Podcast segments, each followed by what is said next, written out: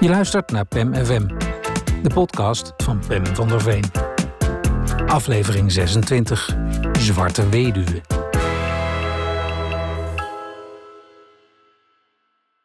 De vrouw naast me in de bus is weduwe.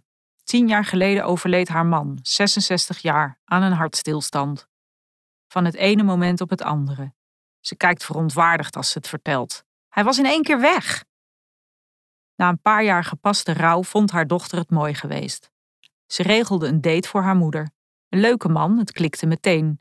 Ze hadden het een tijd heel gezellig. En wat denk je? zegt de vrouw.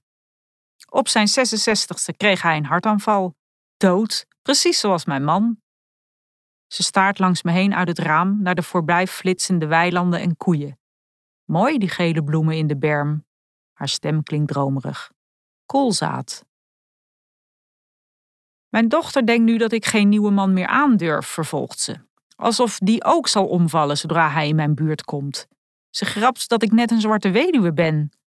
Vragend kijkt ze me aan. Maar is het wel een grapje?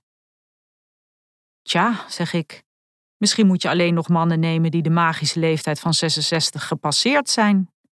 De vrouw knikt instemmend. Ze richt haar blik weer naar buiten, waar de berm nog onverminderd geel is. Of niet, mompelt ze.